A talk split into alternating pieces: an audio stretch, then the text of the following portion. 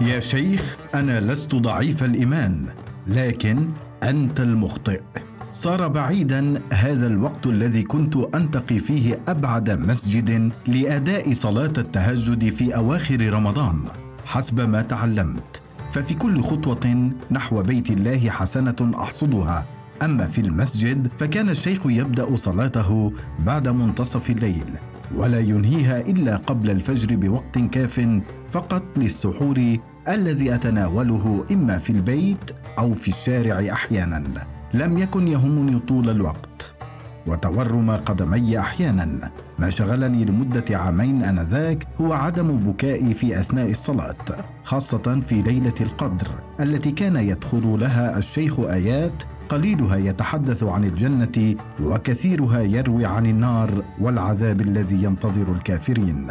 وما أن يبدأ في تلاوتها حتى يبكي في وقت كان البكاء فيه شرطا اساسيا لجودة القارئ ودليلا على خشوعه.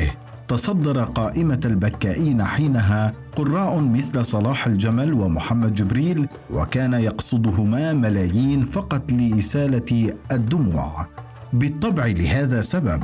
حفظت فتى الحديث المنسوب إلى النبي صلى الله عليه وسلم ونصه. عينان لا تلمسهما النار. عين بكت من خشية الله وعين باتت تحرس في سبيل الله. السبب الأول هو ما يدفع المصلين في مثل تلك الأوقات إلى البكاء لأن ذلك يعني وفق مفهومهم أنهم يخشون الله.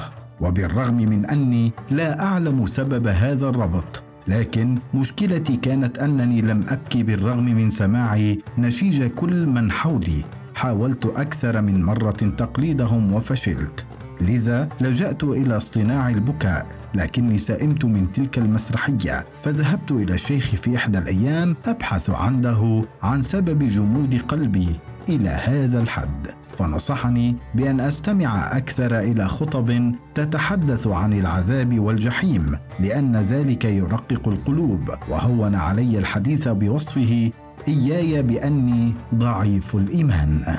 ظللت لسنوات مقتنعا برأي الشيخ لا يمكن أن يكون العيب في كل البكائين لكن كل هذا تبدد في أحد الأيام.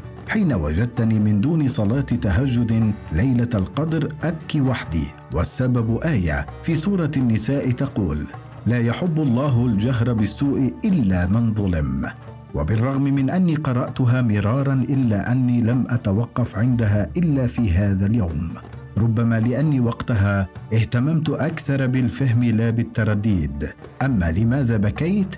فلأنني ببساطة استشعرت مدى رحمة الله ومعرفته بالنفس البشرية إلى الدرجة التي دفعته لإباحة الجهر بالسوء مثل الشتيمة وغيرها.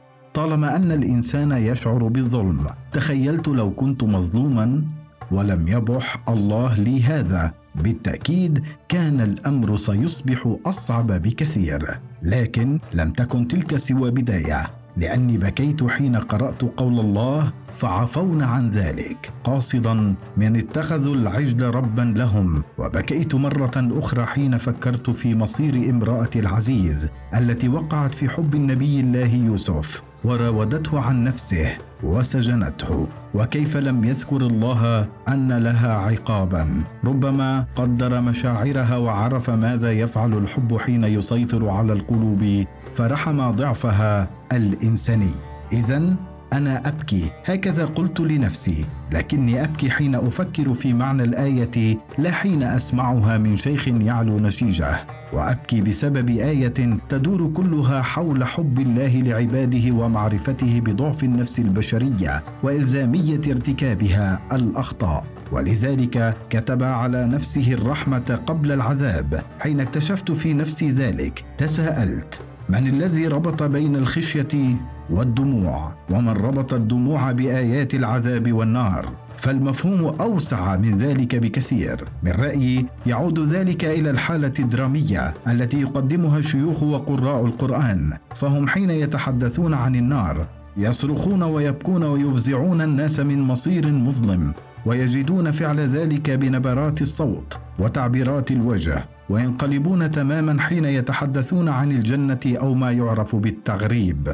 فأصواتهم تكسوها النبرة الرقيقة والابتسامة التي تعلو وجوههم. وبسبب هذا الأداء التمثيلي باتت لدى الكثيرين قناعة بأن الخشية تعني البكاء. ومن دون ذلك يعني أن هناك خللا ما في إيماننا. وبالرغم من أني لست ضد هذه التصرفات فللإنسان الحق في التعبير عن خشيته بالشكل الذي يريد لكني ضد أن تتم من خلالها التصنيف أو تعد مقياسا للحكم على إيمان البشر ومدى قوته وضعفه كما فعل الشيخ معي حين كنت صغيرا.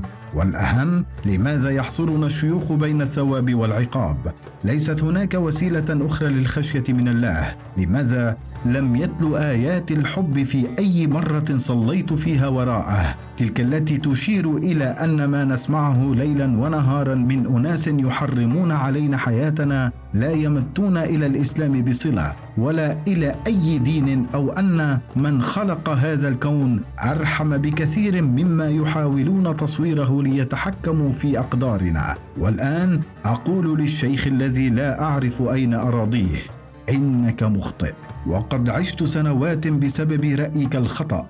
أسأل نفسي عن سبب ضعف إيماني قبل أن أتوصل إلى نتيجة. أني لست ضعيف الإيمان. هذا رأيك فقط. وإن من يبكون بسبب آيات العذاب أو النعيم غير مخطئين أيضا. وكل ما هنالك أنني أحببت الله لذاته ولاحساسي بعظمته التي نص عليها في القرآن. كأنه يقول لا تكترث بأي شيء. أنا أفهمك وأعرف أن لك أخطاء أتجاوز عنها وذلك ما يبكيني يا شيخ. فهل يعد ذلك ضعفا في الإيمان أيضا؟